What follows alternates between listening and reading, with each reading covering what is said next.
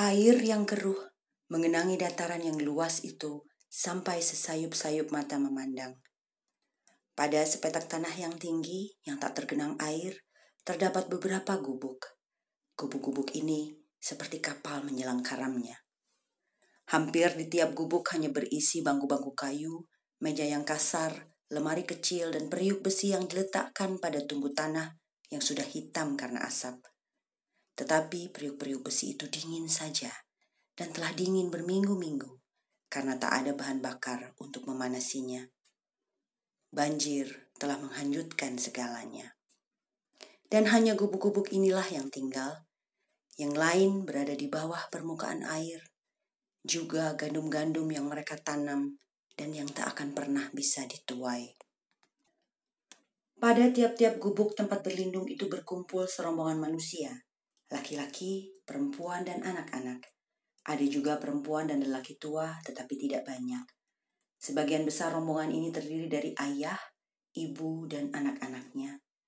Pertengkaran antara ayah-ayah dan ibu-ibu ini sering terjadi, atau mereka saling berdiam diri dalam kebisuan yang mencekam. Apa yang mereka pertengkarkan? Inilah. Seorang ayah, seorang petani muda, melihat pada istrinya dengan pandangan suram. Mereka tentu kawin terlalu muda, karena walaupun kelima anak itu anak-anak mereka, yang sulung belum lebih dari 8 tahun, dan si ayah tidak akan melebihi umur 26 atau 27, dan si ibu lebih muda sedikit daripadanya. Si ayah, walaupun sekarang sangat kurus dan berkulit kecoklat-coklatan, masih punya sisa-sisa kekuatan. Dia semacam laki-laki seperti laki-laki di desa pada umumnya Laki-laki yang mencintai sawahnya dan bangga atas tanah ladangnya dan gandumnya yang kuning keemasan. Karena hasil kerjanya yang baik. Dia bangga akan semua ini karena itu semua merupakan buah kerjanya. Walaupun demikian, mereka selalu berhati-hati menghemat hasil jerih payahnya itu. Petani muda ini pendiam benar, bermuka keras tetapi menarik, walaupun kini diliputi kesedihan. Matanya yang sekarang penuh keputusasaan itu memancarkan kebijaksanaan hatinya. Istrinya tak berani menentangnya, hanya kadang-kadang mencuri pandang diam-diam dan memalingkan mukanya cepat-cepat manakala pandangan mereka bertemu. Ibu muda ini bermuka cantik dan pipinya bulat seperti kebanyakan perempuan di dusun. Kakinya tidak diikat seperti kebanyakan perempuan Tiongkok kuno dan badannya kalau tidak sekurus sekarang berbentuk indah dan kuat. Tetapi matanya begitu muram dan rambutnya kusut karena tak tercecah sisir beberapa hari ini. Bibirnya kering dan biru, walaupun sebentar-sebentar diusapnya dengan lidah untuk membasahinya. Dia sibuk sendiri mengawasi anak-anaknya. Dua di antaranya tak pernah lepas dari sisinya. Yang satu selalu mendekap ke dadanya yang kurus dan keriput. Walau demikian, makhluk kecil yang pucat itu senang menggayut pada susu ibunya, walaupun susunya sudah kering. Sekali-sekali dia merengek dengan lemah.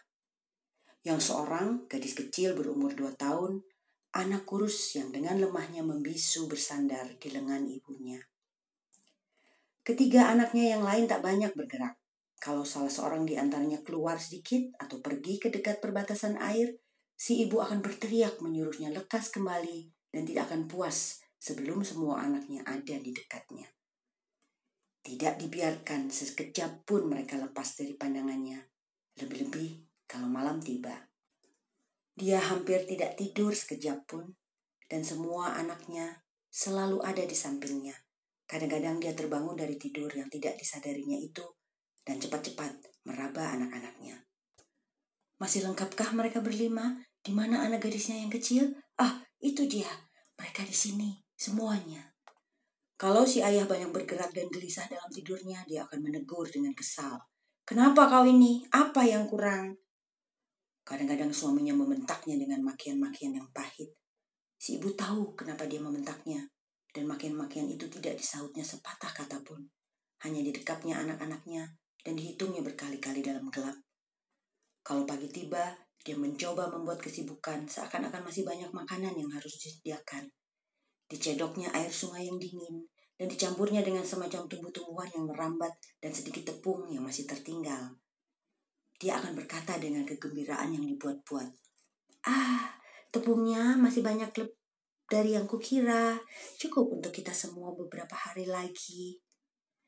Dan dibaginya masakan itu sedemikian rupa sehingga si ayah mendapat bagian yang terbanyak. Dan dia menyuruh diam kedua anaknya yang besar dengan pandangan tajam ketika mereka merengek-rengek karena kurang sambil sebentar melihat suaminya yang memandang mereka dengan muram, sedih, dan membisu. Bagiannya sendiri hanya sisa-sisa yang sangat sedikit, walaupun dia tampak bernafsu sekali memakannya, seakan-akan bagiannya sendiri juga banyak. Kalau tidak kebagian, dia pura-pura tidak lapar, walaupun perut dan hatinya sangat sedih. Kalau dia tahu suaminya sedang tidak melihat, si ibu menelan makanan itu sedikit demi sedikit dengan tergesa-gesa dan mencuri-curi. Tetapi suaminya tak dapat ditipu. Dia membentak kalau melihat apa yang dikerjakan istrinya itu dan berseru, Aku tak akan membiarkan kau kelaparan untuk membiarkan semua ini hidup. Lalu dia tak akan puas sebelum melihat sendiri istrinya memegang mangkuk dan makan. Ibu muda itu menyuap makanannya sedikit-sedikit supaya lama dan tampak lebih banyak. Tetapi walau bagaimana dia berusaha, laki-laki itu tahu juga betapa sedikit persediaan mereka dan bagaimana anak-anak rewel karena kurang makan. Mereka tak selalu mau memperhatikan kemarahan ibunya. Kedua anak lelakinya yang besar kadang-kadang melolong-lolong. Perut mereka jadi kembung dan mereka hanya tahu makan dan tak bisa mengerti bagaimana air itu bisa datang dan mengendangi seluruh pulau seperti itu. Dan mereka berpikir bahwa ayahnya tentu akan berusaha mencari jalan keluar. Si ayah pergi dan duduk di perbatasan genangan air dan menangkupkan tangannya pada telinga ketika anak-anaknya menangis. Muka si ibu jadi cemas dan dia mendiamkan anak-anaknya dengan berbisik, jangan membuat marah ayahmu. Diamlah nak, diam. Melihat muka ibunya, mereka diam ketakutan seperti ada bahaya, walaupun tak tahu bahaya apa. Permusuhan yang diam-diam dan mengerikan ini berlangsung terus antara si ayah dan si ibu. Makin hari, makin berkuranglah tepung dalam bakul dan makanan yang sudah dimakan tak akan kembali lagi. Tiap malam si ibu menghitung anak-anaknya dalam kegelapan. Menghitung dan menghitung. Tetapi ia tak dapat tidak tidur selamanya. Lalu datanglah malam itu. Ketika si ibu yang kelaparan tertidur tanpa disadarinya. Tangannya terlepas dari memeluk anak-anaknya. Dan dia tidak tahu ketika si ayah membangunkan dan berbisik kepada dua anak perempuannya yang pendiam. Mereka menuruti ayahnya dengan patuh ke tempat yang agak jauh. Sebentar kemudian si ayah kembali dengan gemetar dan berbaring dalam gelap, sendiri. Sekali dua ia mengeluh dalam-dalam dan tiap keluhan seperti dengusan kepedihan yang amat sangat. Menjelang fajar si ibu terbangun tiba-tiba. Ketika dia sadar telah tertidur dengan tidak disadarinya, kecemasan yang sangat tiba-tiba mencekam hatinya. Tangannya cepat-cepat meraba anak-anaknya. Di mana dua orang yang lain?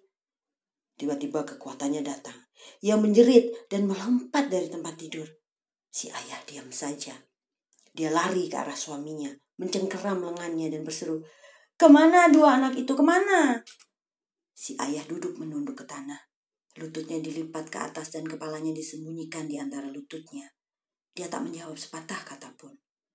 Ibu itu cemas dan marah sendiri. Dia menangis dan menggoyang-goyangkan pundak suaminya sambil berseru, Aku ibunya, aku ibunya. Jeritanya membangunkan orang-orang di sekelilingnya, tetapi tak terdengar suara-suara yang memperhatikan mereka.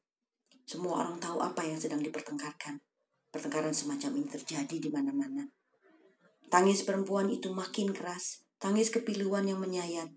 Dia berseru, Dapatkah seorang ibu berbuat semacam ini? Hanya ayah yang tidak cinta pada anaknya, yang menyingkirkan mereka hanya karena makanan yang sedikit. Mendengar ini, baru laki-laki yang membatu itu mulai mengangkat kepala dari lututnya dan menentang perempuan itu dalam keremangan sinar fajar dan berkata, Kau kira aku tidak cinta mereka? Lalu dipalingkannya mukanya dan sesudah sejenak dia berkata lagi, mereka telah mengakhiri kelaparannya. Tiba-tiba laki-laki itu menangis dan melihat mukanya yang sedih dan kuyu, istrinya jadi terdiam.